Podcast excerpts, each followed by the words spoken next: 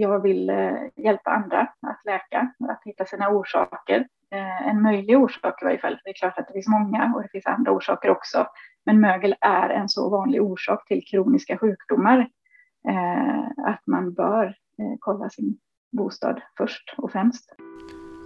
I veckans avsnitt av PLC-podden gästas vi av Lisa Billö som för tio år sedan ungefär drabbades av många diffusa symptom som var kopplade till mögel och skador i hennes hem.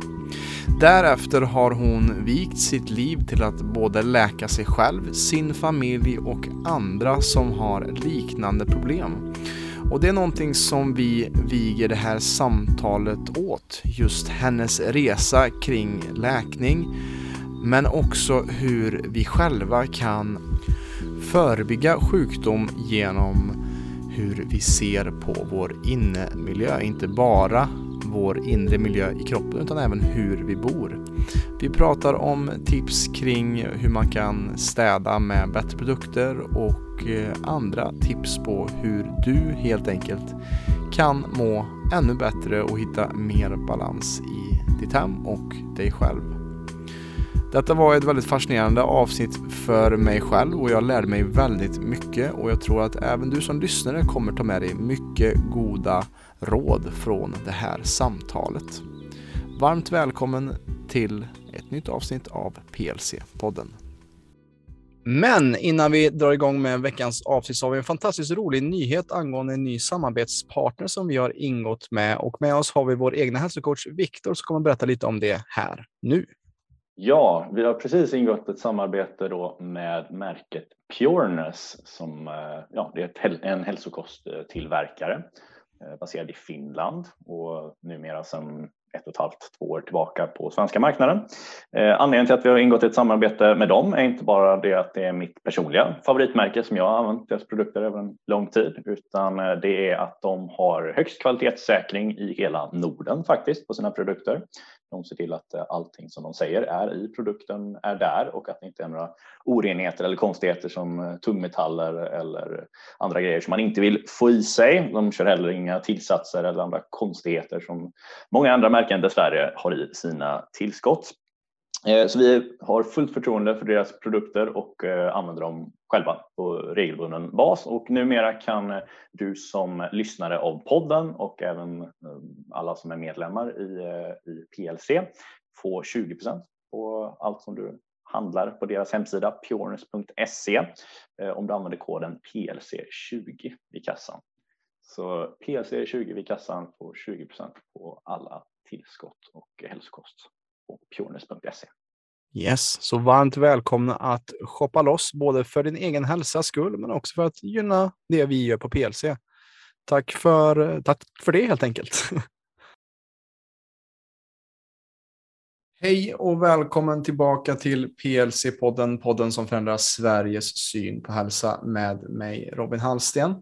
Idag har jag på länk med mig en gäst som sitter någonstans i Göteborgsområdet. Lisa Billö som är fukttekniker och jobbar med att hjälpa med människor att komma till bukt med innemiljö. Och hon är grundare av patientföreningen för mögel och kemikalieskadade och har lite som en slogan friska hus, friska människor. Det ska bli jätteintressant att just dyka djupare in i det du jobbar med här Lisa kring hur vi kan tänka på ett helhetssätt när det kommer till att läka oss själva från insidan genom också att kolla på hur vi bor och lever. Välkommen till PLC-podden. Tusen tack. Hur, hur känns den här introduktionen och, och, hur känns det att vara med här? Du, du sa det här innan vi drog igång att detta inte är så jättevant för dig att göra detta. Nej, eh, jag är inte en person som gärna syns i bild. Nej. Eller hörs. Ja. Men superspännande. Ja. Tycker ni har ett eh, grymt spännande koncept också och jag tänker att det jag håller på med eh, det gifter sig bra med det ni gör. Absolut. Det mm. Absolut och, och precis som jag har pratat med några av mina kollegor och också med med vänner när jag skulle göra det här avsnittet att jag ska snacka med en fukttekniker. Det låter ju ganska trist liksom. Men, men ju mer jag kollar på din hemsida och också blir vän med dig på Facebook och kollar det som du delar så finns det så mycket intressant ämnen att, att dyka in i det här samtalet. Och så mm. mycket som jag också ser fram emot att lära mig också. Just kring hur kan jag faktiskt ta hand om min hemmamiljö bättre. Jag kanske tror att jag mm. har bra koll, men jag kanske inte har koll alls helt enkelt. För att jag tror att det, det är säkert det som du står på själv. Och vi kan väl egentligen börja samtalet tycker jag med att lägga lite grund på varför har du valt det här eh, som kanske låter tråkigt att jobba som fukttekniker. Hur, hur började det Lisa? Ja, så teknik är ju superspännande, det har jag ju alltid mm. tyckt. Men mm. eh, bakgrunden är ju att vi bodde i ett eh, fukt och mögelskadat hus, eh, mm. jag och min familj. Ett barn hade vi från början, tre barn till föddes i det här huset. Och vi alla sex i familjen utvecklade kroniska sjukdomar i parti och minut. Med eh, ja, sjukdomar som ME, MCS, Multiple Chemical Sensitivity eller kemisk intolerans som man säger på svenska, eh, fibromyalgi, IBS, eh, alla matkänsligheter och allergier som finns, astma eh, och eh, ja, allt möjligt, autism eh, mm. Inte minst. Mm. Eh, vilket var de mest utmärkande dragen i, i huset så att säga. Väldigt mycket kom efter att vi hade flyttat också. Mm. Så, eh, vilket gjorde det svårt att förstå. Eh, så till slut så var det faktiskt en, eh, en barnpsykolog som sa till oss eh, att eh, och då faktiskt med hänsyn till just de här autismsymptomen att ni borde fundera på er inomhusmiljö. Mm. Eh, och sen så fick vi prata med en läkare som, eh, som hade det här som specialintresse och han pratade klarspråk med oss. Så kan vi säga, han sa så här, eh, ni förgiftar era barn. Mm. Eh, och då flyttade vi ut i princip samma dag. Eh, och han hade rätt. Det var huset som var orsak till allt det här och eh, efter det så hade vi många, många år som vi var väldigt sjuka, extremt sjuka alla barnen och kunde inte gå i skolan för att eh, det är mögel i många skolor. Mm -hmm. detta säger Boverket också. Eh, så det är ett stort problem och våra barn kände ju av det här naturligtvis.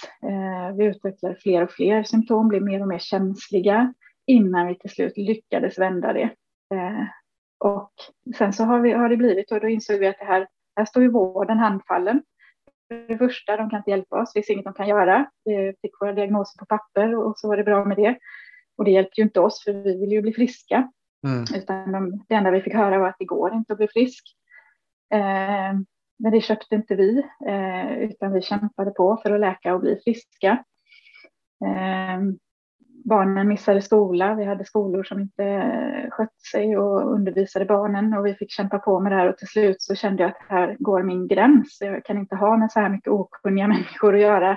Eh, så jag tror att det var ett specifikt möte eh, som vi hade med skola och förvaltning eh, och deras inomhusmiljö som jag bara reste mig upp och gick därifrån. Gick hem och anmälde mig till utbildningen och utbildade mig till fukttekniker Mm. Eh, och sen så har jag ju tagit det lite längre än, att bara vara fukttekniker som kanske eh, traditionellt sett eh, jobbar med att torka eh, fuktskador.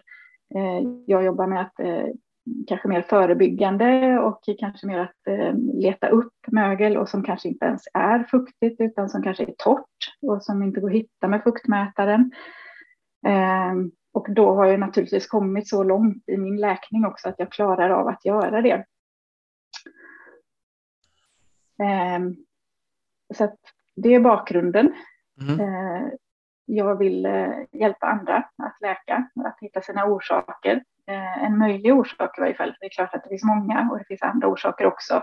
Men mögel är en så vanlig orsak till kroniska sjukdomar att man bör kolla sin bostad först och främst, ja, menar jag. Ja, mm.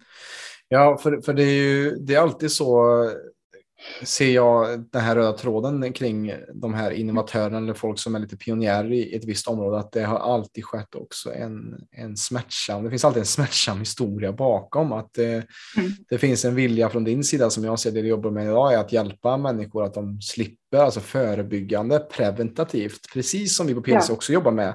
Alltså, mm. jag, jag, hopp, jag, skulle kunna hoppas att, att det här systemet som vi jobbar med skulle finnas mer tillgängligt för folk innan ja. de kommer till oss egentligen. Eller in, alltså att vi inte ens skulle behövas finnas. Och, och, där är det ju så viktigt det som du håller på med. Och därför tänker jag också det kan vara jättebra för de som lyssnar, både klienter och medlemmar och även folk som inte är medlemmar hos oss också just. Vad kan man själva göra för att upptäcka de här sakerna? Hur vet jag att jag är drabbad av just detta som du har varit med om helt enkelt? Så vad, vad skulle du säga är vad, för, för de som kanske, för det, allt det här är nytt för de som lyssnar, även för mig, vad, vad är den första liksom, markören för dig som du alltid kollar efter när det kommer till nya klienter som du jobbar med för att identifiera om det är ett problem i innemiljön? Ja, jag har ju en rad olika saker som jag tittar på och som jag ska titta på enligt eh, Svesek-modellen. Svesek är ju den eh, förening som innemiljöutredare har Eh, att förhålla sig till. De har tagit fram en modell för hur man utreder. Och då ingår det att, eh, att man ska titta på ja, en rad saker i huset naturligtvis, men också besvärshistoriken eh, hos de som bor och vistas där. Så i mina utredningar så väger det tungt, de symptom som människor har. Det är den ena biten. Den andra är att jag faktiskt har ett mögeltest från ett akkrediterat labb. Eh, och det är ju någonting som man kan eh, börja med för att få det i sig kan man ju inte liksom dra slutsatser utifrån, utan det är en av de här pusselbitarna som jag Eh, vill ha när jag gör en utredning. Mm. Eh, så det skulle jag rekommendera alla att eh, testa bostaden först och främst för att få, få en första indikation på har jag ett troligt problem här eller inte. Har jag inte, syns det ingenting i provet och jag har inte typiska symptom, de, mina två stora pusselbitar, ja men då kanske det inte är befogat att göra en utredning utan då kanske man bara ska fundera på hur förebygger jag Mm. Eh, men sen så började jag rota runt i huset.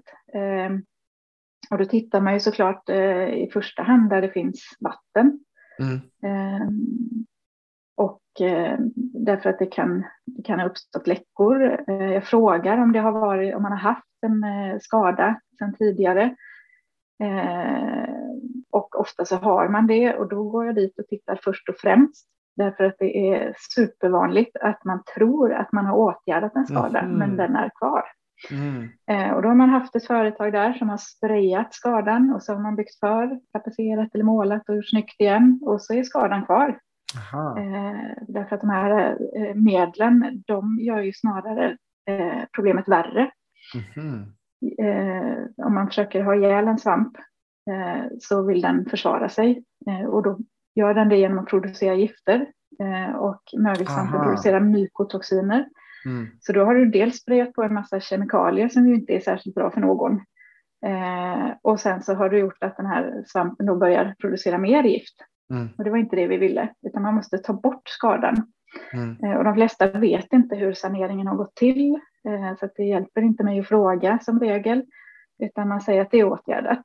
Mm. Eh, och sen är det inte det när jag tittar efter. Så att jag går alltid och tittar där det har varit en vattenskada, man haft en diskmaskin som läckte eller man kan vara vad som helst. Eh, och sen så det är ju ett sätt som det kan uppstå problem. Ett annat är ju att ventilationen inte tar ut fukten, transporterar ut den. Eh, och lite beroende på vad man har för konstruktioner så, kan, så vandrar ju den här fukten med luften. Och då vandrar den igenom konstruktionen därför att den är inte lufttät, inte helt och hållet i varje fall. Och i äldre byggnader så är den absolut inte lufttät. Det är därför man vill provtrycka nya eh, bostäder som man bygger idag för att de ska vara lufttäta. Mm. Eh, och där, där, luften vandrar, där vandrar också fukten. Eh, och inne i väggen, som är som regel väl isolerad i varje fall, där har du ju också på andra sidan isolering så har du ju kalla ytor. Ja. Och där kondenserar fukten. Mm. Um, och det är inte så himla lätt att hitta de här eh, kondensskadorna då, som kan bli inne i konstruktionen, så då får man ha lite tricks eh, för det, vilket jag har. Eh, men som, eh, ska man se över sitt eget hem, ja men då kan man ju gå runt och titta och se ofta är det så när jag har varit hemma hos någon och gjort den, den första inventeringen till exempel, då hinner jag nästan aldrig skriva färdigt protokoll mm. innan de kontaktar mig och säger nu har jag tittat här, så ja. har de hittat fler saker. Ja. Då, då har man liksom ställt om, då har de gått med mig runt, för nästan alla går med mig för de tycker att det är intressant och spännande och de vill veta och det tycker ja. jag är jättebra. För att man behöver lära känna sitt hus. Eh, och då har de helt plötsligt ställt om eh, sin blick till att mm. eh, ja, se saker som, de, som kanske var jättetydliga. Eller det, och det kan också gå från att de ringde mig och sa kan du komma till att jag kommer. Då har de mm. börjat gå runt och titta mm. och hittar saker. Eh, att det kan vara missfärgningar, det kan vara de här typiska fuktrosorna, eh, prickar, eh, att det bubblar sig i tapeten eller i parkettgolvet. Liksom har börjat eh, resa sig lite.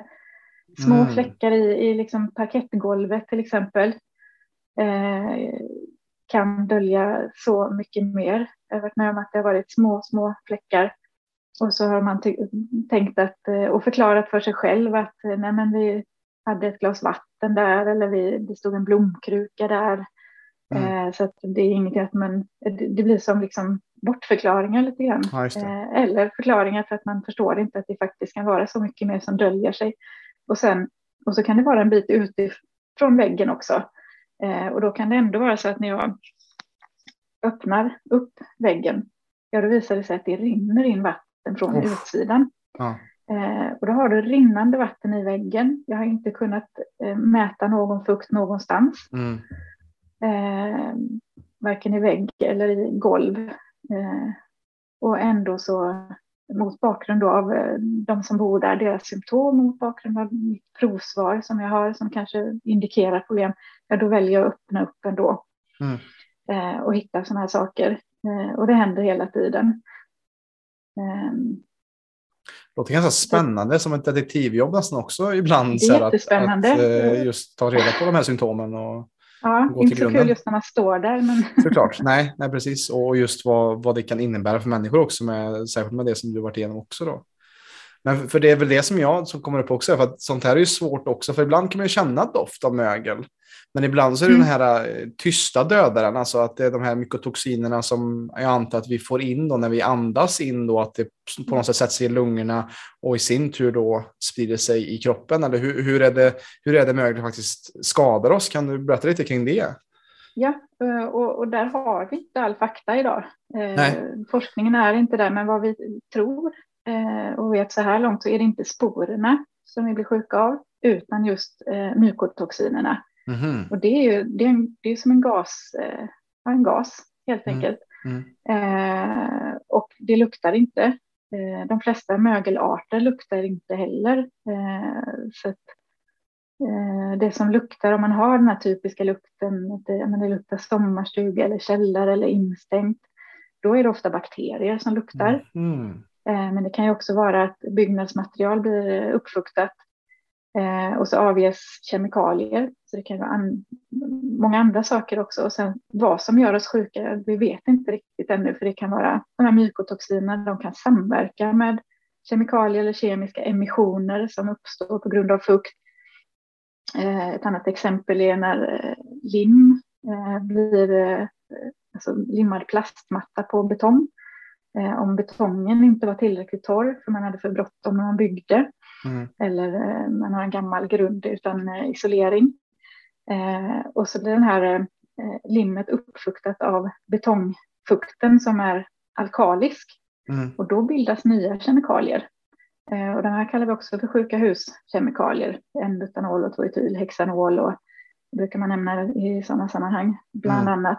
Och om de här då, om det handlar om cocktaileffekter av massa olika saker, inklusive bakterier och deras metaboliter, eller om det är synergieffekter, att det ena förstärker det andra, eller om det handlar om att bägaren blir full, att man blir känslig för fler och fler saker eh, och någonting tippar över till slut. Eh, det vet vi ju inte allting om, men ganska Nej. mycket i varje fall. Mm. Ja, precis som många bäckar små, för det också som vi snackar om PLC mm. också när det kommer till stress, så brukar vi snacka om sex olika faktorer och just så att vad som är viktigast är att vi tömmer bägaren. Alltså för att en, ja, en för mycket, exakt. alltså sen är cocktaileffekt att det blir för mycket. Att, att uh, kolla på de här uh, miljöaspekterna helt enkelt. Och, och så tänker jag också så här, jag har varit lite undrande för att just i nuläget så har ju också hur vi bygger hus också blivit mer industrialiserat och att det kommer mer i i eh, etapper och färdiga mm. grejer och mera, mera fabri fabricerat om man säger jämfört med kanske hur det mm. var förr där man kanske hade rena plankor som inte var kanske besprutade och sådana saker. Är det, är det värre idag med nya hus än hur det var förr eller hur, hur, vad märker du i din bransch? Eh, ja, alltså det, är, det finns ju fördelar och nackdelar med de här modulhusen. Mm. Jag säga. Fördelen är ju att de byggs som regel under tak, inomhus. Mm. Och sen kör du ut dem till platsen där de ska upp och så tar det ett par, tre dagar och så, är det, så har man ett tätt tak på. Mm. Eh, och sen är det klart att är man inte noggrann så, så kan det ju regna in under de dagarna och så blir det stora pölar och så har man inte vett på att torka upp det mm. eh, aktivt. Eh, så blir ju det problem naturligtvis.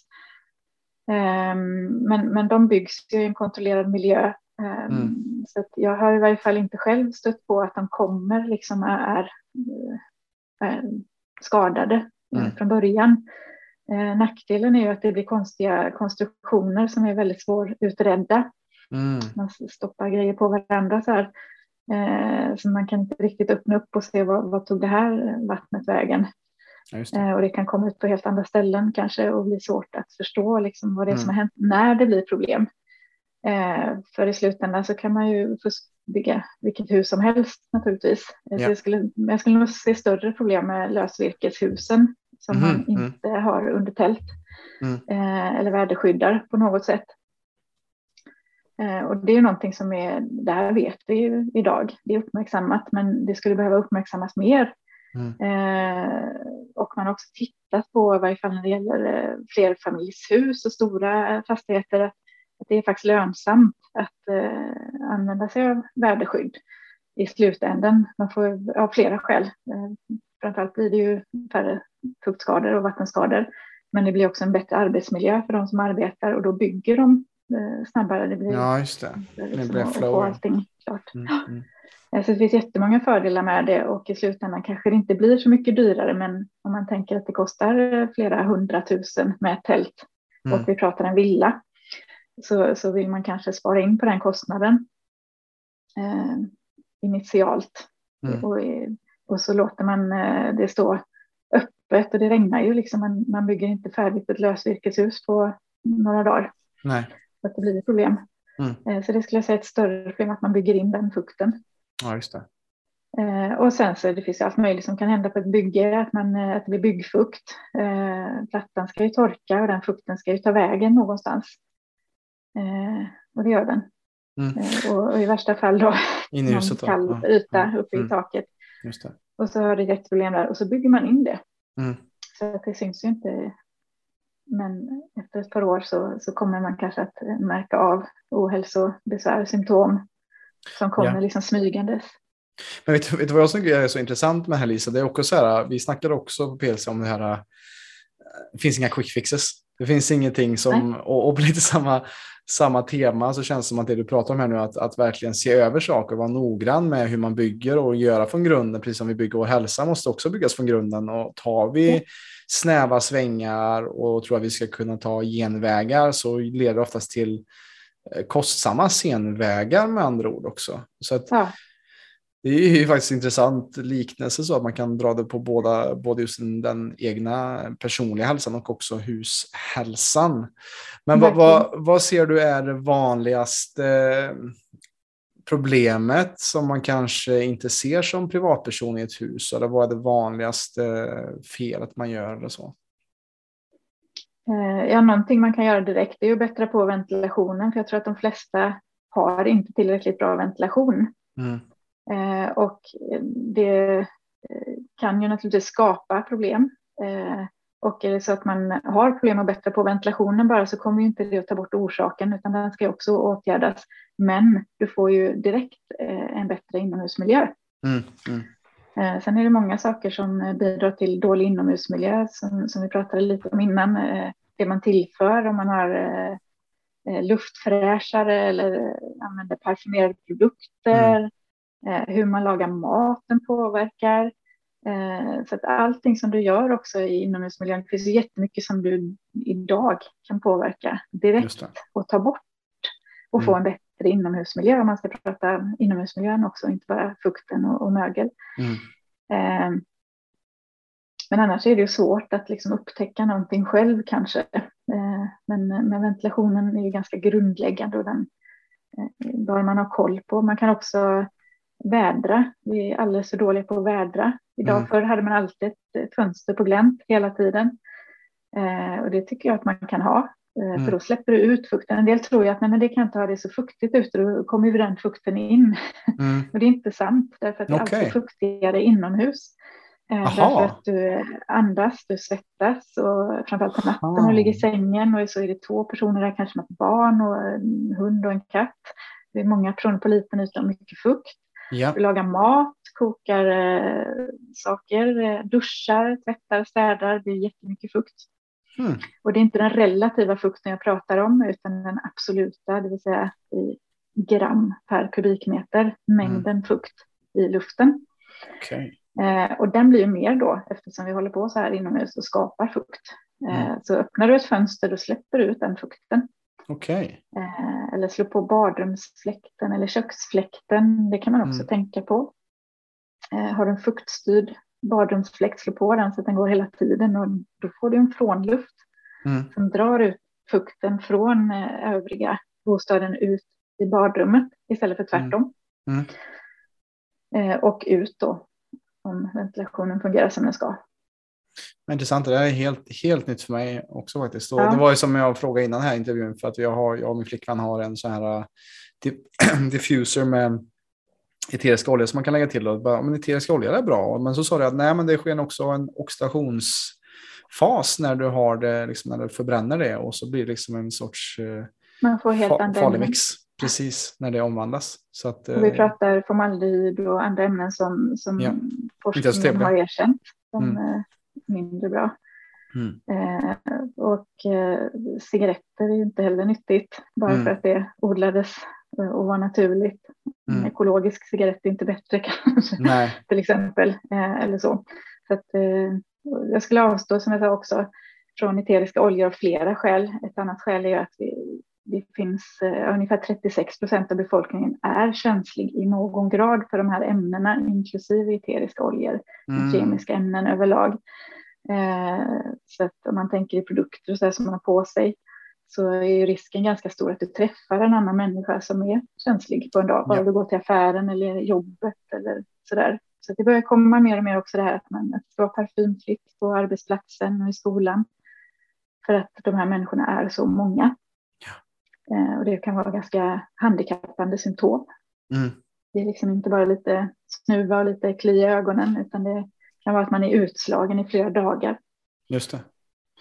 Jag, jag växte upp med en mor som var jätteallergisk mot parfymdofter och, och den biten och kunde få astmaattacker liksom, och andnöd. Mm. Så att jag vet själv liksom att, att eh, och man tänker, jag tänker också på det, du vet när man var yngre och, och ens kompis hade sådana här riktiga Axe sprayflaskor mm. och det luktade, liksom, luktade verkligen starkt och fränt. Och när man tänker efter så är det så mycket som vi inte tänker på. Eh, många tänker inte på att, att egentligen det som du sätter på kroppen, om du inte kan äta det genom munnen så är det ingenting du skapar i en kropp. Och, och om vi skulle ha den regeln som med, med de produkter som vi har med schampo och när det mm. kommer till deodoranter och sånt, då hade det varit ganska mycket i den konventionella världen och i en livsmedelsbutik som hade försvunnit, eller hur? Verkligen. Och hur, hur ser du på det? Också... Har också, är det också någonting som du tänker på? Eller som du säger Absolut. Ja. Eh, och det är därför jag tar in bra produkter i min eh, webbshop för att kunna mm. lösa problem då för de som inte alltså vill byta men Eh, ja, både för egen del men också av hänsyn till andra, men som yeah. inte hittar bra produkter. Eh, men, och värt att eh, nämna också är att om du äter någonting så har du flera filtersystem som tar mm. hand om toxinerna och för ut dem i kroppen. När du andas så går ämnena rakt ner i lungorna via alveoliterna och ut i alla organ på nolltid. Så där har man inte riktigt samma filter. Utan det är, det är farligare att andas in någonting än att äta, mm. kort och. Mm. dessutom. Och samma mm, med huden också, att folk tänker på att det är vårt största mm, organ, att vi tar också upp eh, saker mycket, också fukt och sånt genom huden också. Och, ja. Om man badar i någonting eller om man har ja. dåligt, dåligt vatten också till exempel. Eh, så ja. är det också att det påverkas. Och sen så hänger ju detta ihop också med eh, de här miljöerna, fukt och mögelskadade hus. Mm. Jättevanligt att man ser kroniska sjukdomar och bland annat då den här kemiska känsligheten som vi har pratat om. Eh, så det är vanligt att man utvecklar de här sjukdomarna på grund av ett sjukt hus. Just det, just det. Och kanske i kombination med mängder av andra saker också, men det kan vara mm. en utlösande faktor. Ja, precis. Men det här just kopplingen mellan kroniska sjukdomar och innemiljö, eh, så som du också var med om, vad, vad känner du kring den frågan? Vad är vanligaste sjukdomarna som folk får eller vad är de vanliga symptomen som folk har när det kommer till de här eh, när det är dålig eh, miljö inomhus? Ja, eh, om man ser till kroniska sjukdomar så kan man ju lätt se att det är exakt samma symptom. Jag har roat mig ibland med att lägga upp symptomlista för en diagnos i en grupp på Facebook och sagt att eh, vilken diagnos det är där, är det någon som känner igen? Och det är ju alla känner igen symptomen. Alla har symptomen, men alla har olika diagnoser. Ah. Okay. att, och vi hade också en läkare som stöd som, som han bara skakar på huvudet när man börjar prata om olika diagnosnamn. Eh, och jag håller så fullständigt med honom. Jag tycker att det är helt ointressant att döpa eh, symptomen till olika saker lite beroende på vad läkaren kände för eller vad patienten eh, tryckte på. För det är mycket som man går och söker vård och säger att jag ska ha den här diagnosen för det är ju det jag har. Men symptomen är som regel eh, utmattning, grav utmattning och, och hjärndimma. Mm. Att man har svårt att tänka, kognitiv nedsättning. Eh, sen kan man se hudsymptom naturligtvis, mycket akne och finnar Eh, och att det inte läker riktigt och överlag att man har svårläkta sår eh, tycker jag att jag ser eh, hos de här personerna. Men utmattningen och också en del kopplar det till känsligheter, andra har inte förstått att de är känsliga och att det är därför de får de här symptomen. och därför undviker några parfymer och andra kemikalier och kemiska ämnen medan andra inte har gjort den kopplingen och kanske inte riktigt har den triggen heller. Eh, ja, värk i muskler och leder, feber och frossa. Man behöver gå och kissa ofta till exempel. Eh, minnesproblem, koncentrationssvårigheter. Eh, kan se lite olika ut hos vuxna och barn enligt min eh, erfarenhet också. Att vuxna och framförallt kvinnor kanske eh, får de här känsligheterna mer typiskt som kemisk intolerans. Ehm, Eh, männen kanske får mer eh, irritabilitet, depression. Mm. de är inte glada när jag kommer ut. det är hon som har ringt ut dem, ringt ja. ut mig. och han är jätteanti, så kan det vara. Och då, då ser jag det här typiska liksom, mm. mönstret. Mm. och det är vanligt. Eh, att han svänger mer i humöret. Eh, och, och, det kan också se hos barnen, eh, just humörsvängningar. Och det som, som jag tycker händer som regel först hos barn är att man får känslighet mot olika mat, eh, livsmedel. Mm. Börjar med mjölk och sen blir det ägg och sen blir det soja och sen blir det gluten och så blir alla spannmål. Det ena efter det andra. Eh, och då är det både maten som triggar och ger de här symptomen och miljöerna. Just det. Och eh, då svänger de i humöret och andra skulle kalla det för autism och ADHD. Eh, och jag tänker att det spelar ingen roll vad vi kallar det, det är alla de symptomen som ingår i de här tillstånden som de har i olika grad. Eh, folk kan få eh, plocka på sig olika infektioner också enklare för att mögel eh, har en förmåga att slå ut immunförsvaret. Ja. Eh, borrelia är jättetypiskt de här personerna. Det är inte mögel som är orsaken, utan det är naturligtvis en fästing som har delat med sig av det här. Men alla blir inte sjuka av en borrelia-infektion. Några blir det i samband med EBV-infektioner. ser man mest typiskt och sen så skyller man på den här infektionen, att man har blivit sjuk. Eh, fått ME kallar man de symptomen då. Mm. Eh, infektionskänsliga överlag. Det kan vara bihåleproblem, att det gör ont i bihålor. Eh, ja, men mest typiskt skulle jag säga utmattning och hjärndimma. Mm. Och vilket försvårar alltihopa. Eh, naturligtvis också att man ska förstå att det finns orsaker och att man ska förstå vad man ska göra. För att ta ett exempel från mig själv över hur svårt det kan vara att förstå vad man ska göra. Eh, så, så gick jag in i en affär en gång när jag var som sjukast då. Eh, och det kunde vi ju i princip inte göra, men man var ju tvungen, vi hade fyra barn. Eh, jag stod i kassan och hittade inte ut och Oj. börjar gråta för jag får en sån humörsvängning. Mm. Och jag är inte den som gråter mm. alls. Eh, står i kassan och vet, förstår inte hur jag ska ta mig ut därifrån för jag blir så hjärndimmig av någonting. Oj. Visar sig senare att det är mögel naturligtvis i den butiken. Eh, jag förstod så mycket att jag kunde ringa min man som stod utanför och säga att jag vet inte jag kommer ut. Eh, och då fick han komma in och så gick vi ut och sen så ut i frisk luft så men det går det över. Mm. Eh, och då när man har gått igenom sådana här saker själv, då förstår man ju hur mycket det kan påverka mm. på en sån kort eh, liksom, exponeringstid också då. Eh, som, som den stunden var när jag bara hann gå in där och så mm. svänger det så här och så är min hjärna satt ur spel. Sån är jag ju inte annars, varken i humöret eller i, ja, i tankeförmågan. Liksom. Eh, så att så kan det påverka och ofta är det ju så också då eh, hos de personer där jag gör hembesök och går igenom bostaden att man, ja, man är jättetrött, man blir utmattad fort, man orkar inte göra någonting, man är håglös eh, och deprimerad, vilket man ju kan bli av flera orsaker. Det ena är det andra och man blir såklart jätteledsen för att man inte klarar det man har klarat innan. Och man har svårt att tänka. Och slående är också att vi pratar om högpresterande människor Mm. Vilket också forskningen eh, säger. Eh, och det gör det ju ännu tuffare för de här personerna. Därför att de har ju varit, en, det går liksom härifrån till hit. Det är två man förstår inte varför riktigt. Nej, precis. Men det blir ännu mer tydligt också. Yeah. Att de, det här ligger inte den här personens eh, naturliga liksom, sätt mm. att vara. Yeah. Ja, för, för jag tänker också så här att eh, för är det någonting som vi tjatar om till våra klienter som folk har lite eh, inte tagit så seriöst kanske innan man kommer till oss så är det just andningen. Och mm. eh, Anders Olsson är nästan vår lilla husgud i PLC kan man ju säga för att vi rekommenderar hans bok Medveten andning till alla som, som mm. kommer in i vår sfär egentligen för att det som den boken är, den är fantastisk om man inte har koll på sin andning. Och, mm. och för att många tänker inte på det att luft är vår största energikälla.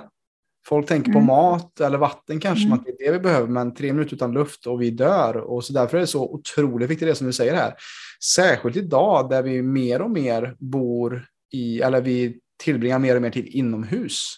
Tidigare, ja. alltså för bara några generationer sedan, så var de flesta kanske ute och, och brukade jord och, och, man hade inte alls samma den här instängdheten. Nu kanske man är 90 procent inomhus och samma det. Eh, det kanske folk har jobbat hemma nu i pandemitider och sånt också. Ja. Att man har bara varit Absolut. i samma rum inomhus och så eh, andas man 20 25 000 repetitioner per dag. Vilket mm. gör att varje andetag, tänk om du varje andetag då andas in något som är lite giftigt då mm. kommer det ha stor effekt på helheten. Och det är så intressant att höra också de här um, symptomen som vi snackar om, för att det är ju det, det vi jobbar med, främst, med, mm. främst kvinnor som är utmattade, har problem med hjärndimma, har problem kanske med allergier också, eller nedsättningar i uh, immunförsvaret och den biten. Mm. Hormonstörningar kanske? Jajamän, precis. Jajamän. Många som är i, just i klimakteriet också, som också har, har haft en ganska problematisk klimakterietid också där de inte riktigt Precis. vet vad det berott på. Så att det här är ju också kanske för någon som är bara, oj shit, nu ska jag nog gå runt och kolla varenda jäkla hörn i mitt hus här och se om det är någonting. Ja. Men, eller vad kan jag byta ut för kanske produkter jag städar med? Mm. Eller vad är det jag kan ha för bättre tvättmedel också? För så kan, sånt ja. kan också vara att det är saker som... Alla produkter.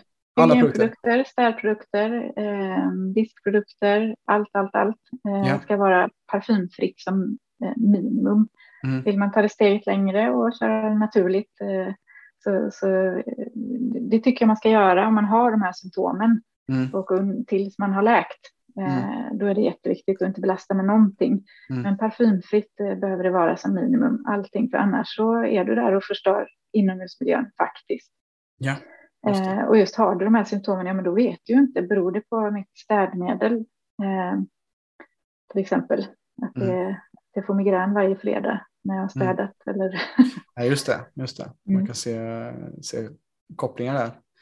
Mm. Och, och någonting som jag tycker också är intressant är just alla de här, alla, alla, alltså när, vi, när vi blir utsatta för saker som också sänker vårt immunförsvar så blir vi ju mer eh, astmatiska, allergiska, vi får mer problem som kanske mm. inte förstår varför. Och det var också någonting som jag, jag såg eh, en dokumentär, jag vet inte om du känner till den, heter The Gut Movie som är gjord av en eh, kille som heter Cale Brock som eh, snackar just om eh, hur viktig mikrobiomen är för vår hälsa.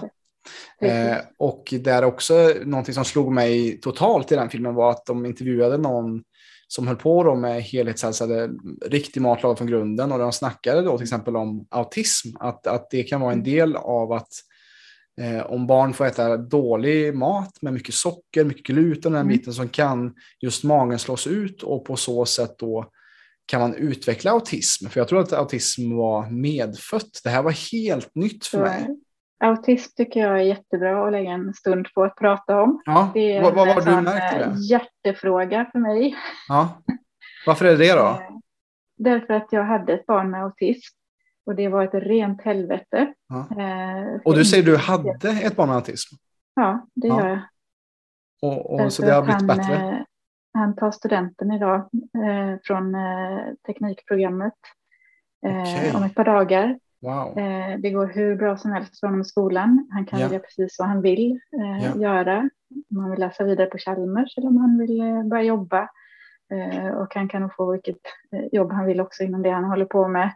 För han är så duktig på det han gör. Mm. och detta har han gjort trots att han missade i stort sett hela grundskolan. Oj, shit. Så det var, inte, det var inte så att det var något fel i huvudet på honom. Mm. Eller något annat fel hos honom.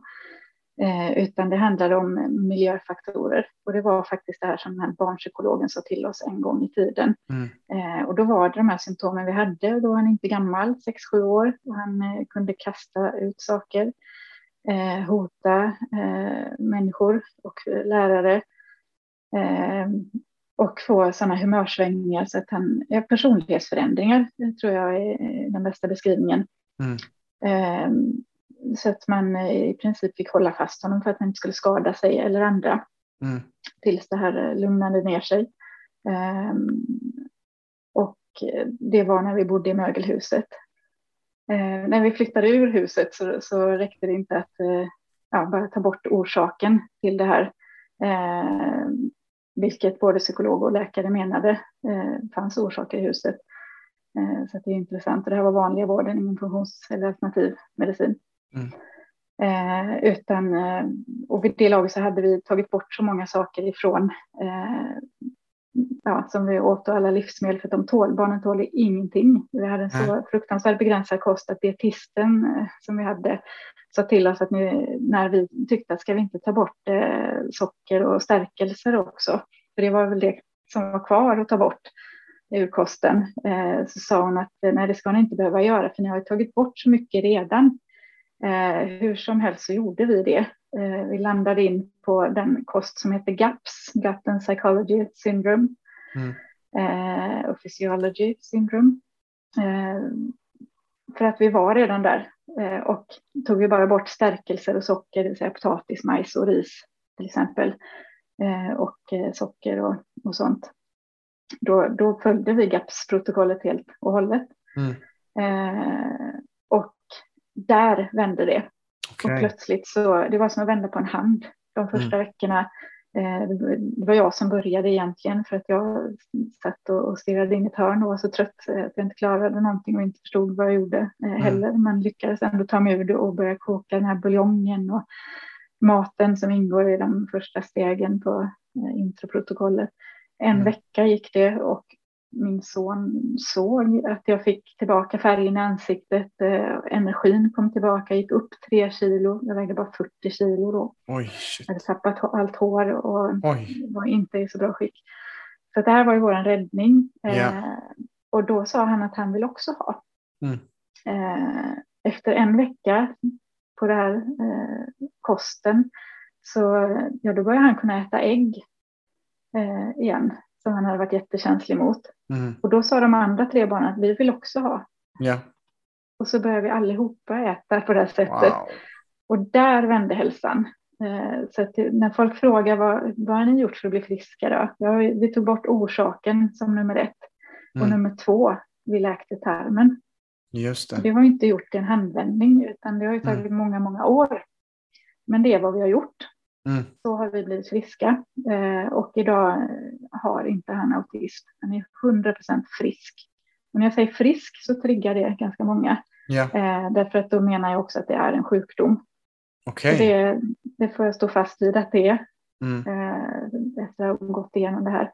Och sen så har jag sammanställt studier eh, och då finns det ju belägg för allt det här som du är inne på att det är socker, det är gluten och vad vi äter, det påverkar och bara det kan ge sådana här symptom. Det kanske inte behöver heta autism men du, kan ju få de här symptomen eller de symptom som ingår i ADHD också eh, av mat som kanske inte tåls av just det barnet.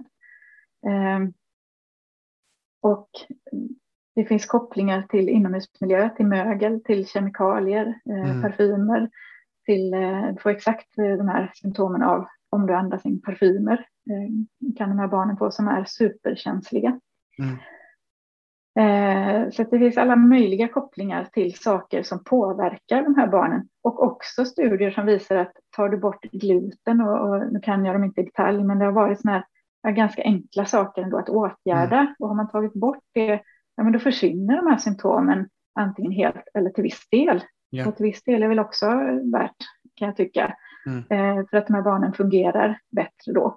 Mm. Eh, och alla barn ska ju ha rätt att fungera så optimalt som just de kan. Och, och då kan man ju testa och ta bort olika saker och Mm. tillföra annat som kanske är mer lämpligt då, så, såklart. Eh, men det finns studier, det är ganska välstuderat, eh, men det finns ju ingen studie som säger att, eh, som alltså, pekar på direkta orsaker, men Nej. kopplingar finns en hel uppsjö med studier. Mm. Mm. Och eh, det sista de gjorde i i Lund, på Lunds universitet, det var att, att studera hur utomhusmiljön påverkar. Och då ser de kopplingar mellan utomhusmiljön och autism. Mhm. Eh, och då undrade jag om de inte skulle titta på inomhusmiljön och, och det var de inte alls främmande för. Mm. Eh, för rimligen så borde det finnas samma kopplingar där eftersom vi vet, eh, amerikanska CDC till exempel säger att eh, inomhusmiljön är tre till fem gånger mer förorenad än utomhusmiljön. Just det. Eh, och där är vi lite mer också. Vi stänger in oss Ja. eh, med det vi har inomhus och skapar där. Så att det finns jättemycket forskning eh, och det är jättemycket mer forskning på väg. Och jag är helt övertygad om att vi kommer att komma dit. Och jag är inte ensam om att ha den här upplevelsen att ha läkt autism genom att läka tarmen. Mm. I det upplägget ingår att man också tar bort orsaker som Ja. mögel, parfymer och annat. Ja, det, det, det här som jag tycker är så fascinerande och jag, varför jag älskar att driva podden för att just det här är helt nytt för mig också. Jag är ingen expert på autism men jag, jag såg den här dokumentären och bara wow, kan det här verkligen vara sant? Att, men, men det är så också är ju någonting som är så intressant. Det är liksom det här äh, gamla let food be thy medicine and medicine be thy Mm. food som Hippokrates sa för jag vet inte hur många tusentals år sedan. Och att mycket av det, vi, vi underskattar hur mycket av vår läkning sker i, i magen faktiskt och hur mycket, mycket processad skit som vi sätter i oss som faktiskt förstör. Och jag själv prövade faktiskt candida-dieten i, i höstas i tre månader bara för att se, liksom bara pröva det här och också pröva att vara Mm. ute och utan alla de här eh, mejeriprodukter, socker, stärkelser eh, i alla dess former liksom. Och Mm. Det var intressant också att få känna på hur magen blev mer stabil och det blev en fastare form i, i min avföring och, och den biten och att, att vi alla att för dig som lyssnar och du kanske blir triggad av att men, eh, autism är ett tillstånd som inte går att bota.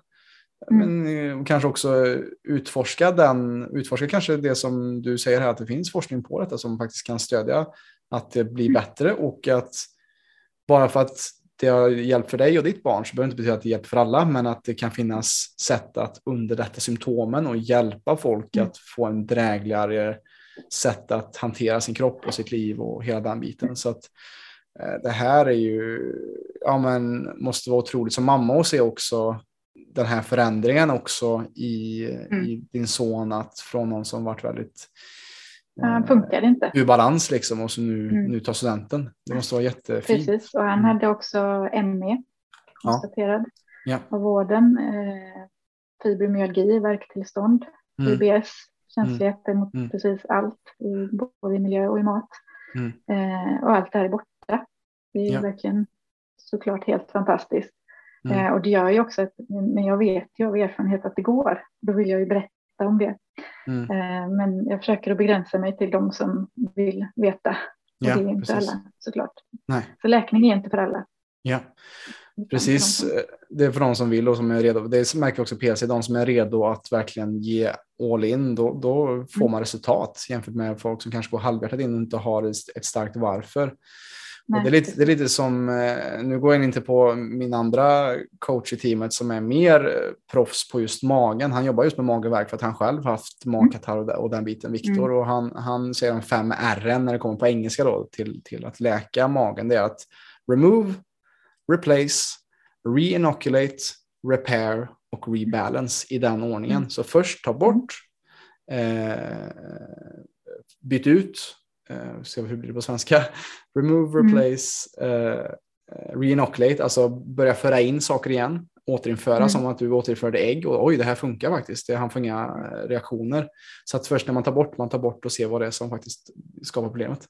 Och sen då repair och då kan det vara att man kanske behöver ha lite enzymer, lite probiotika, lite lite glutamin, alltså saker som reparerar tarmväggen. För mycket av det här kan också ha med läckande tarm att göra till exempel. Mm. Eh, och sen sista då rebalance, alltså att hitta mm. en, en ny balans och en ny grund att stå på. Så att, eh, vad, säger, vad säger du om det? Är det också lite som du varit inne på och märkt själv?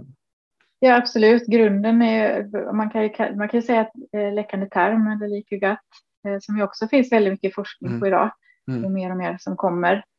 Det är ju det kan vi kalla för en orsak eh, mm. till ja, egentligen alla de här kroniska sjukdomarna och autism eh, enligt mig. Um, och det finns väl forskning där också förstås. Uh, men ska man tänka steget längre så är det ju någonting som har gjort att tarmfloran har slagits ur yes. balans. Yeah. Och därför måste du, jag håller med om den, framförallt uh, ta bort, det är mm. steg nummer ett. och när vi håller på med det här med, med GAPS till exempel, då ingår det i protokollet. Det är inte mm. liksom ett matprotokoll, utan det är ett livsstilsprotokoll. Yes, då ska du ta bort, du ska ta reda på om du har mögel i bostaden faktiskt. Mm. Det är ett, en av de punkterna man går igenom. Mm. Och jag som blivande GAPS-coach eh, ska ta reda på. Så här gifter sig mina två områden väldigt väl. För att jag får ju frågor hela tiden på hur ska jag läka nu då? Eh, så därför har jag valt att certifiera mig till GAPS-coach. Eh, och då ingår det att jag ska prata eh, mögel och inomhusmiljö med mm. mina klient, kommande klienter. Eh, så det är såklart steg nummer ett. Och jag menar ja. att det är viktigast att börja där, ta bort orsaken och sen läka tarmen. Mm. Och näringen och all, alla de här tarmläkande ämnena som du nämnde och probiotika och alla de ämnen som tarmen behöver för att byggas upp igen, de finns i maten också. Mm man kan absolut bygga på med olika tillskott också, men i, i det här protokollet så är det mest fokus på faktiskt maten. Ja. Och eh, då smäller man i sig extrema mängder, skulle jag säga, eh, buljong. Just det, ja. Till att börja med. Ja, precis. Och det är effektivt, det är väldigt effektivt. Det mm. såg ju vi också. Eh, och jag minns det när, när min äldsta son började, som då gick i kanske första klass eller någonting. Eh, och det var slutet på terminen, kanske så här års. Och så var det några veckor kvar på terminen. Och på de veckorna så hann han förändras i allt det här som hade med autismsymptomen wow. att göra. Wow. Eh, enormt. Sen tog det många år innan ja, mm. vi allihopa läkte riktigt, riktigt bra. Mm. Eh, men att man kan se så snabba resultat, mm. det gör att man blir mer motiverad. Eh, och framförallt så får man ju energin direkt. Precis. Så att det är kraftfullt. Ja, men så otroligt eh, liksom, intressant att höra på din historia också just. Och, och det är som vi säger till våra klienter och de som är med oss, alltså håll dig till ekologiskt, håll dig till riktig mat och mm. en tumregel är bra. Ju längre maten du köper håller sig på hyllan i en livsmedelsbutik, mm. desto sämre är det för din kropp för att då är det mer dött och behöver mer energi av vår kropp för att förvandla det till energi. Så mm. därför är det ekologiskt. Det är därför det ruttnar snabbare. För att det är mera enzymer kvar i det som hjälper till mm. också när vi äter att bryta ner det i vår mage. Och det är det som du snackar om. När vi äter mer levande mat, saker mm. som ger oss liv. Samma det om du skulle byta om du har kaffe istället för, eller vatten istället för kaffe eller vatten istället för energidryck och alla de här light-läskerna och sån bullshit liksom. Mm. Så, så kan det hjälpa din kropp att komma i så mycket mer balans. Men, men vi är också så frånkopplade vår natur att verkligen känna efter själva. Det är som säger, ja, men förr så öppnade man ett fönster. Förr så hade man mm. den, så här, vet, alltså den här äldre visdomen på något sätt, att man visste hur man skulle göra. Och precis, där vet jag också, man tog fram kycklingsoppan. Kycklingsoppa, ja. ja. Precis. För det är också Viktor som jobbar med just mest kost och, och mat och magerverk i, mm. i vårt team. Han, han säger också det, så här, kyckling, kycklingbuljong eller kycklingsoppa mm. eller eh, alltså att koka märgbenen i ett par timmar så man får ut det här märgen mm. liksom verkligen. Det är jättenyttigt för tarmen, det läker mm. tarmen. Och jag har inte läst den boken själv, men en bok som Viktor rekommenderar heter Nourishing Traditions som just handlar mm. om gamla traditioner som ja. eh, man hade förr just för att, eh, för att ja, som man, hur man åt och levde förr för att ta hand om sig själv och att verkligen ha mat som läkemedel. Mm, precis. Så det här är ju, det är det som är så intressant som jag såg också sen när, vi, när, jag skrev ner frågan. Ja, just det, det här är ju faktiskt, ja okej, okay, du jobbar med faktiskt innemiljön, men det är också den inneboende miljön i oss själva Exakt. som du också jobbar, alltså det är en direkt korrelator. Och som du sa också, det kan vara lite spretigt när folk sitter och kollar i din webbshop eh, och undrar mm. oj, vad innemiljö och sen så, sen så när jag gick in och kollade, bara, oj, här har vi en massa smarriga recept på, på efterrätter. liksom. vad, har det för, yeah. vad har det för koppling egentligen? Men jag förstår ju också ja. det, liksom, att, att byta ut också där, att där har du recept utan socker och mer med mm. ja, men typ som dadlar istället för vitt socker och den biten. För att just, och just, eh, just efterrätterna kanske jag trycker mer på än den vanliga maten för att jag menar också att det ska vara gott att läka. Ja, att exakt. inte ja. behöva avstå saker och speciellt mm. som vi hade fyra barn så har jag blivit eh, superexpert på naturligtvis att försöka återskapa Piggelin som är på alla kalas och mm. eh, jag menar alla de här sakerna som alla barn, andra barn får, chicken nuggets och korv och vad det nu kan vara. Mina ja. barn ska ha samma sak som alla andra. Mm. Eh, och jag har tagit ett steg längre till att utmana mig själv till att andras barn som kommer hem till oss ska tycka att våran mat är godare än den maten de äter annars. Mm. Eh, och där har vi lyckats. Eh, därför att barnens kompisar och när vi har haft barnkalas eh, så har de alltid, de, de pratar fortfarande om det här många år senare. Mm. om hur god mat och kakor och glass och sånt jag hade. Jag gjorde glass med avokado i, sa inte det till någon. Och barnen jublade. Sådana saker. Yeah. Så, och det är ju en konst att få till det. För att jag tycker att eh, mycket av hälsokostmaten eller hälsokretsar, det ser äckligt ut. Det smakar äckligt.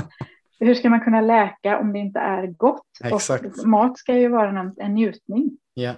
För annars så kan du ta inte upp näring. Det, alltså, det är en grundförutsättning att du njuter av maten. Precis. Så därför har det blivit lite efterrätter och sånt bara för att visa att det går. Ja, ja just det. Ja, det... Man behöver inte avstå någonting. Nej, eh. exakt. Nej, men det är mm. jätteviktigt tycker jag absolut. Alltså att, att du har den aspekten med där också. Faktiskt, Ja, nej, men sen är som i min webbshop så är det ju det är allt från målarfärger i en jätte... Eh, det här när man ska renovera. Mm. Det är mm. någonting som påverkar inomhusmiljön jättemycket. Det är nya material som ska in och som eh, avger kemiska emissioner. Eh, ibland i många, många år efter. Eh, och du ska måla. Eh, du har färger som inte är tillsatt bock i. De här mm. Flyktiga kemikalierna. Eh, så de har en given plats, att det är parfymfria produkter, det finns ett helt sortiment, men också att man ja, saker som hjälper till matlagningen då, att jag hittat eh, bra och handplockar ju saker naturligtvis. Det finns mm. de som reagerar på olivoljor därför att de var inte kallpressade egentligen, eller de var inte ekologiska egentligen. Mm. Mm. Men jag har koll på liksom alla steg i processerna och så tar jag in de produkterna och borgar för att de är, det är god kvalitet, det är handgjort, det är ja, handplockat och vad det nu kan vara, teer och allt möjligt. Ja. Mm. Så att det finns en röd tråd genom allting och i stort sett så är det allt jag själv hade behövt ha mm. eh, när vi var drabbade. Så jag vet ju också vad andra går igenom. Precis, du har den linsen av liksom vart man är kanske steget på, eh, på just den läkande stegen där helt enkelt. Vilka, vilka symptom man mm. har och vart man är och vad man behöver just det. Okej, okay, när jag var där så började jag hitta det här och då kunde jag göra det här och sen så fick jag lite mer energi och så då bakade jag en kaka och så. Nej men alltså, mm. ja. det blir, blir de stegen där faktiskt. Ja men, ja, men precis. Mm. Och vi var lite inne och snuddade lite på också, Lisa, just eh, kring ja, städprodukter, den biten och sånt. Vad, mm. vad, vad, är det för vanliga misstag som folk gör just när det kommer till eh, ja, men, säg diskmedel, tvättmedel, skurmedel, mm. eh, kanske handtvål också och schampo? Vad, vad ser du är vanligast där kring, kring vad folk gör och vad, vad gör vi fel som vi kanske tror att vi gör rätt? Ja, nej, men den vanligaste tankeloopen är väl att man tror att det måste lukta eh, för att vara rent. Mm. Men jag skulle säga att det, det, är precis tvärtom. Ett rent hem luktar inte brukar jag säga.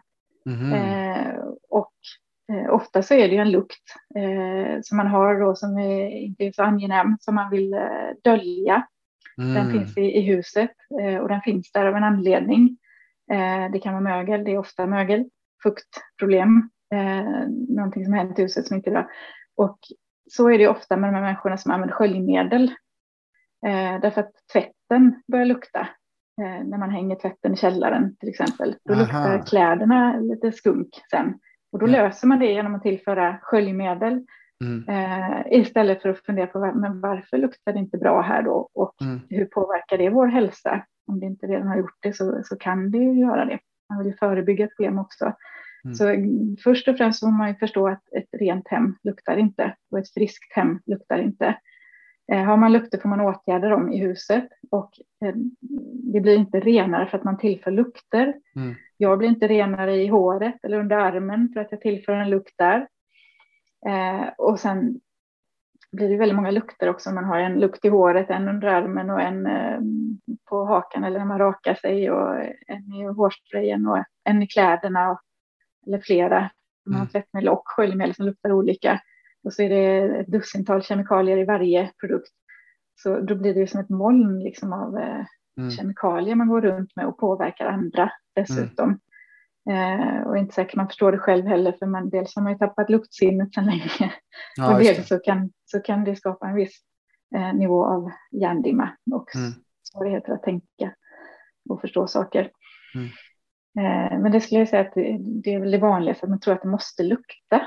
Eh, och att luktar inte deon, då funkar den inte. Eh, och sådana här kommentarer kan bli se att man fäller överallt i kommentarsfälten att ja, man kan inte gå runt och lukta svett, det är ju äckligt. Mm. Men man skulle ju kunna, dels så kan man ju duscha, det funkar ju. det är ett tips. Ja. Eh, och sen så finns det ju bra liksom parfymfria eh, mm. produkter. Och nästa grej är ju då insikten som man får när man tar bort alla de här eh, kemiska ämnena. Det är att kroppen behöver inte jobba så mycket för att göra sig av med allting.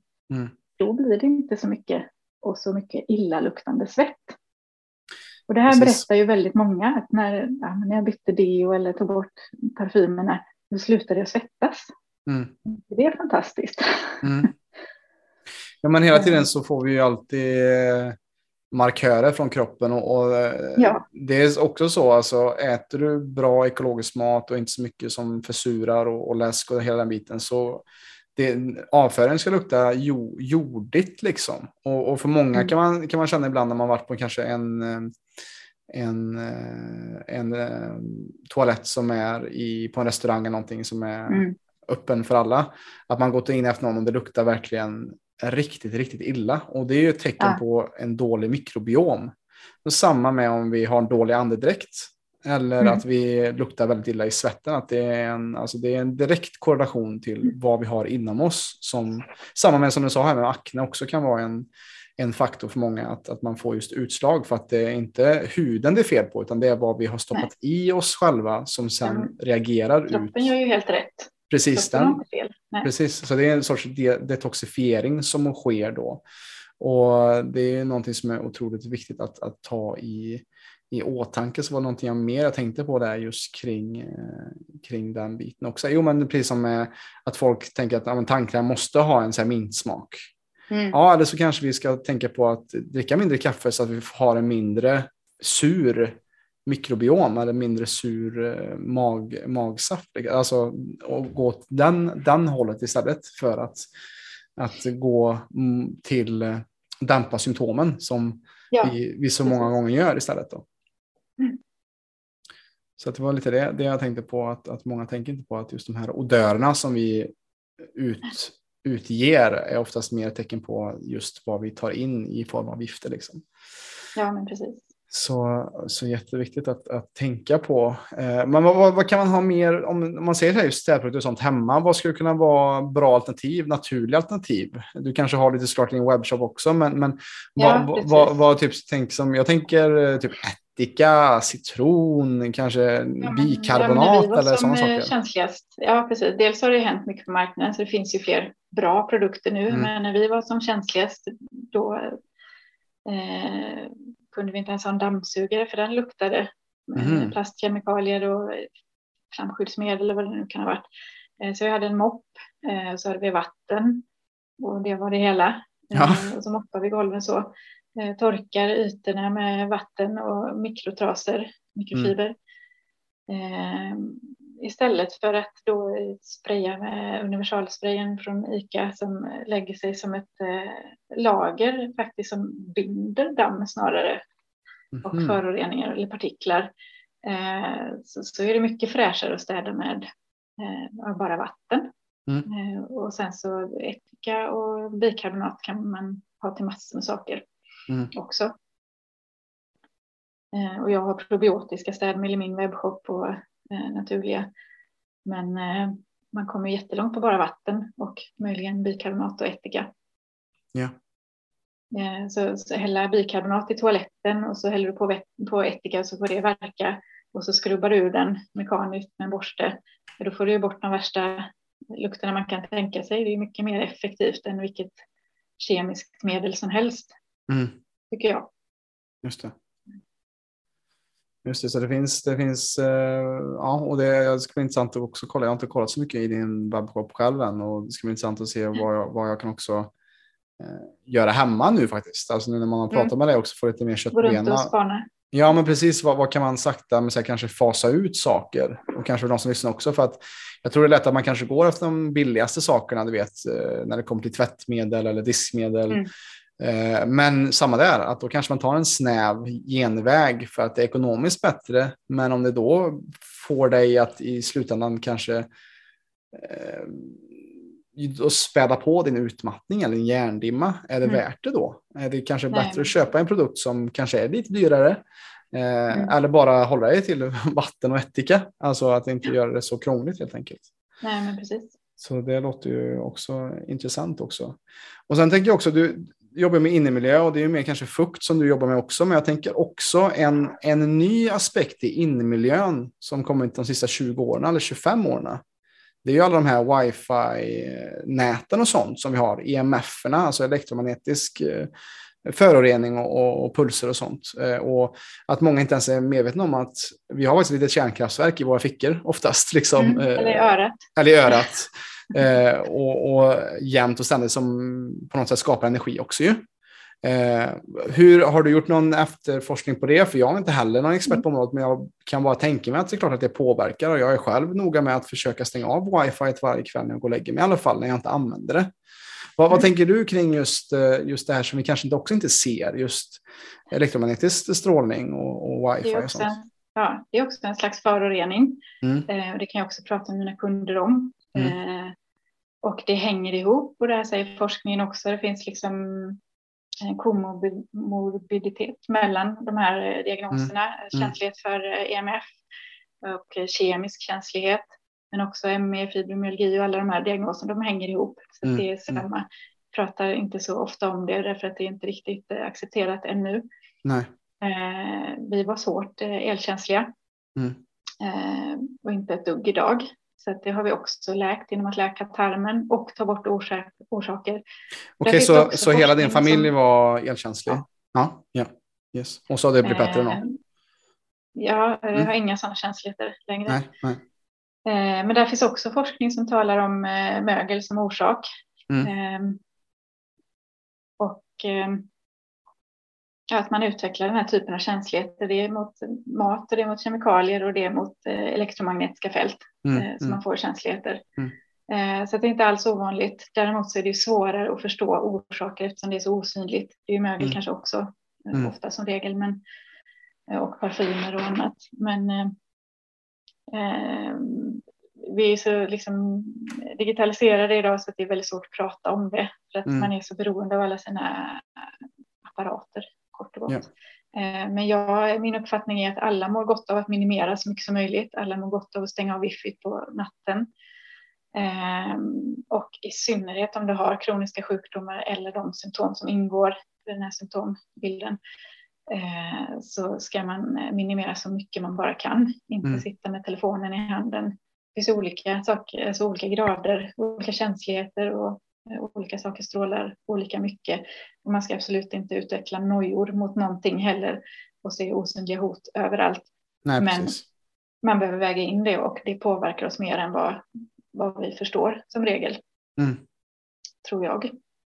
Så att, och det kostar ju ingenting att minimera och göra det man kan. Att man kanske inte ska ha kontoret i sovrummet med alla sladdar och all apparatur, eh, utan att man ska ha ett sovrum där man tänker bra inomhusmiljö och vädrar på natten kanske.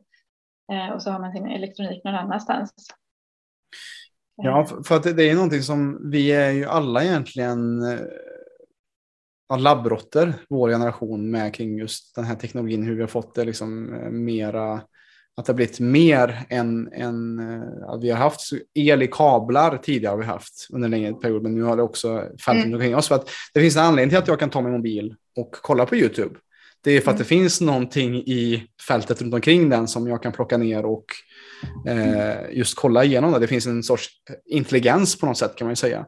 Och det här mm. låter kanske flummigt eller någonting, men jag, jag, tycker också att det är någonting som man behöver ta i, i åkning. Och jag vet inte exakt själv hur det påverkar mig, men som, jag, som du säger här, att jag själv stänger av mitt wifi på kvällarna eller på nätterna för att jag använder inte ändå. Så vad, det spelar ingen roll Nej, ändå. Och samma att jag har min ha min eh, mobil på flygplansläget och inte i sovrummet. Att jag kan mm. ha den som alarmklocka men inte i samma rum helst. Mm.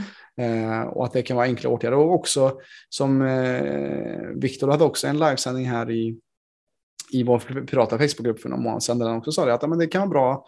Mobiler, vi alla använder det. Men vi kan också ha en hygien kring det. Vi behöver inte alltid ha den i fickan. Om du är hemma, lägg det kanske på, på bänken. Du behöver inte alltid ha mm. den i fickan nära dina privata delar. Mm. Så att, eh, och, det är någonting som är också ganska nytt för mig på ett sätt. Men när man tänker på det så är det hellre safe than sorry där. Att, att jag, hellre att, att man kanske har tagit lite förebyggande preventiva åtgärder. För man vet vad som sker av 50 år av exponering för just wifi-nät och den biten. För vi har inte forskningen, vi har inte datan på det än. Det kanske finns också Nej. redan nu vissa forskningar på det också. Men, ja, det finns, det finns men, en hel del, men eh, mm. det, återigen så det finns inget som kan fastställa orsaker eller Nej. Eh, med säkerhet säga saker. Men har du indikationer så räcker det för mig. Ja, precis. Eh, precis. Och det, det, har ju visat sig historiskt också. Eh, mm. Att vi borde har tagit an, alltså DDT, vi har cigarettrökning, vi har, det finns ju allt, allt, allt möjligt. Neurosedynbarnen, allting. Eh, ja, exakt. Exakt. efterklok. Kan vi inte försöka liksom tänka lite förväg någon gång? Jo, men precis. Och det är lite det som är grejen också. Om man tänker tillbaka, säg 70 år när du hade liksom, ja, din lokala läkare röker Camel. Alltså, mm. bara, bara en sån grej är ju ganska så här sjukt att, att det faktiskt nu med, med facit i hand när vi ser att rökning är en jättestor eh, cancerskapare. Men säger att vi inte också är saker som vi idag tar för givet att ah, men det här är ingen fara, det här är lugnt, det här är all fine. Att saker mm. som vi har idag framför oss som är nya teknologier, mm. vem, vet, ja, vem vet vad det kan ha för just eh, konsekvenser för oss. Och som du säger, därför är det better safe than sorry att, att just kanske eh, ja, men också så här, lämna mobilen ibland, att komma ut. Och så för att en, en av de sakerna som jag hör på det är också så här, lite vad som är läkande, mest läkande. Kom ut, kom ut i skogen, Absolut. kom ut i naturen, kom ut och, mm. och rör dig liksom i, yep. i uh, ja, som vi människor gjorde att röra på oss helt enkelt. Ja, men precis. Det är ju så mm. vi skapar. Mm. Sen eh, det är så mycket som är läkande i det också, både solljuset och att man liksom får kontakter med naturen, men kanske främst den friska luften utan föroreningar. Och där var vi goda förebilder. Vi bodde nästan utomhus, vi kunde sova ute, vi kunde laga mat ute, vi gjorde utflykter och eh, spelar ingen roll hur trötta och slut vi var, vi gjorde det ändå. Mm. Eh, för vi hade barnen att ta ansvar för. Eh, och jag tror att det var viktigt, att det var en, en stor del, eh, stor nyckel liksom till att vi läkte så bra. Ja, ja men det, det, det ser jag också att för mig är det alltså ovärderligt att komma ut i skogen och springa barfota mm. eller komma ut och mm. gå eller bara sätta mig och meditera eller någonting. Det, det är någonting som betyder så mycket för mig eh, och som är någonting som jag rekommenderar till alla som lyssnar också och till alla klienter och medlemmar att är det någonting vi ser när det kommer till alla de här stressrelaterade symptomen som också folk får och, och där utmattning och depression kan vara eh, resultatet. Du kommer inte må sämre av att komma ut och sätta dig på en stubbe i skogen och kontemplera på livet en halvtimme. Det, förmodligen så kommer det bli lite bättre. Kanske inte kommer lösa alla problem du har, men det kan vara en start. Eh, mm. och att hitta mer saker som kan vara preventativa och som gör att vi mår bättre helt enkelt och tankar på med energi. Nej, men det finns ingen enkel lösning eller ta ett piller eller någonting. Nej, utan det är så många saker du behöver göra och det här är en av dem. Man kan ja. inte ha förväntningen på varje del att det ska lösa alla mina problem. Precis. Utan det här behöver jag göra och då gör man det. Ja. Man kan till och med göra en checklista på har jag fått motion idag, har jag fått frisk luft, har jag fått sol på mig idag. Ja, precis. Och vad man nu tänker att man ska äta och mm. andas och så.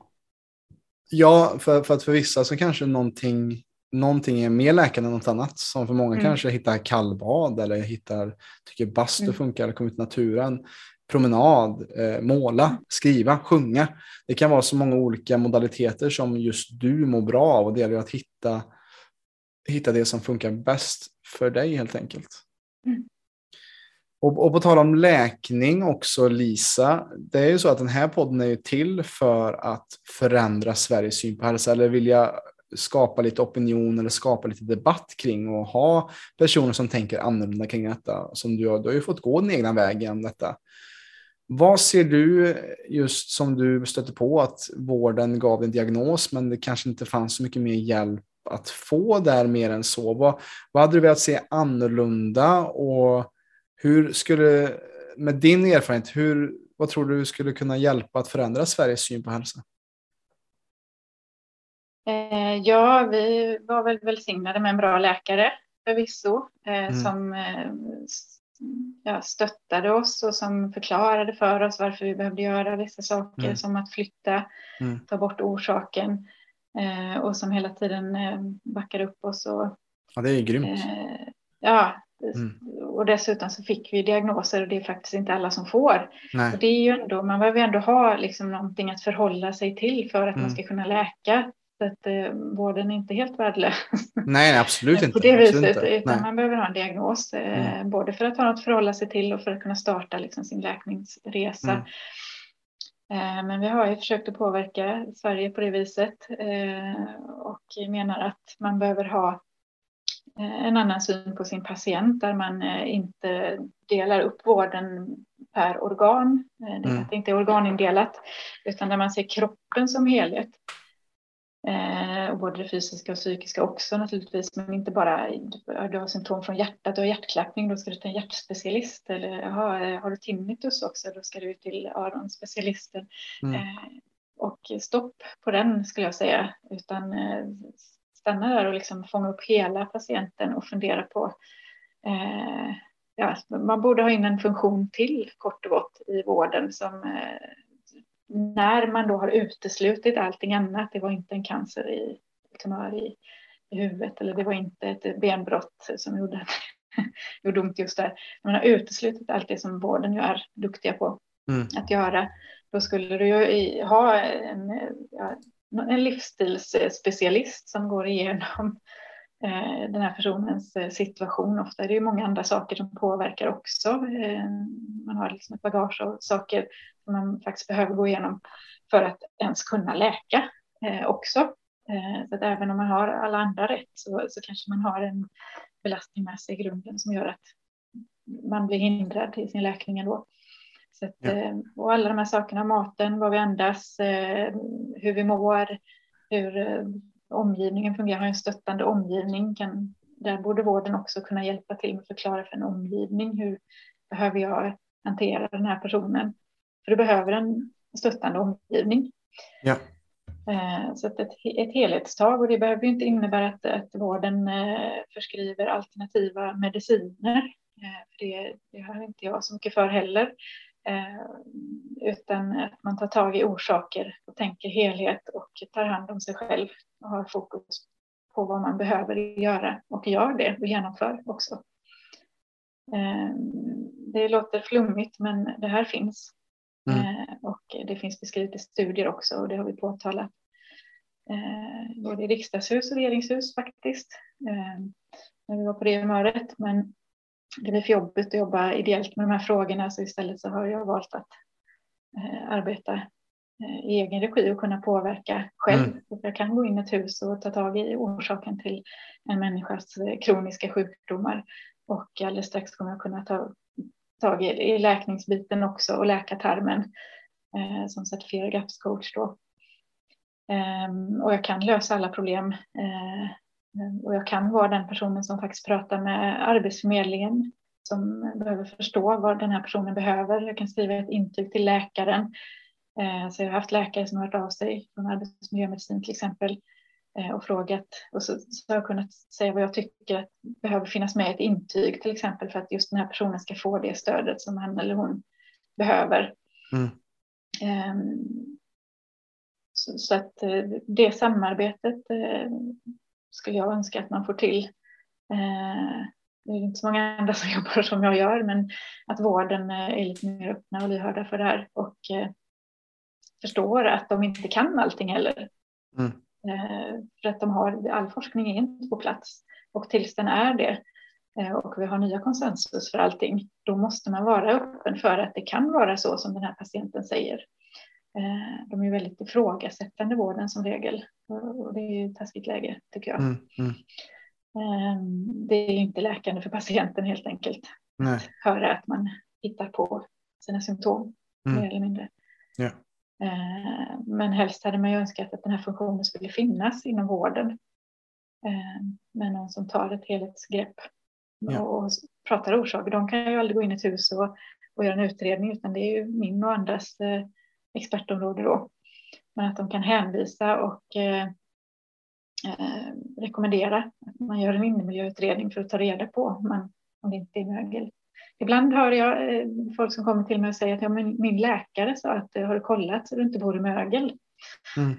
Eh, så det finns ju några läkare såklart eh, som tänker orsaker och kanske ja. har typiska symptom och så säger de att men du kanske ska kolla upp det här.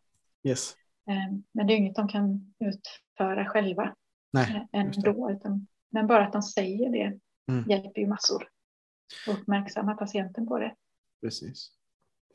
Ja, det är det jag tänker också när du säger det här med att alltså, all forskning, ingen forskning egentligen skriven i sten, utan det utvecklas ju hela tiden. Vad som vi kanske tycker är flummigt eller, eller idag kanske är någonting som kommer vara vetenskap imorgon. Eh, precis som att saker ja. som vi inte kunde ta och, och se på när det kommer till kanske Eh, molekylär biologi eller när det kommer till mm. atomernas beståndsdelar att det där var liksom någonting flummigt för hundra år sedan men nu kan vi förklara det på ett vetenskapligt sätt. Liksom, att, det, att det hela tiden kan förflyttas och att det behövs alltid en utveckling, att vi behöver mm, jobba oss framåt och utvecklas hela tiden. Att det finns mm. en evolution, att allt inte är skrivet i sten och symptom och syndrom som kanske inte går att förklara med dagens mått betyder att det aldrig kommer gå att lösa. Utan Nej. det är bara, bara det är en, en, ett syndrom, ett symptom, ett frågetecken efter sig som behövs luskas vidare och forskas kring för att hitta just eh, vad som läker, precis som du fick göra ett eget detektivarbete när det här startade för jag vet inte hur många år sedan, eh, 20 år sedan kanske. Tio. Tio. Ja, ja. tio. Mm, precis.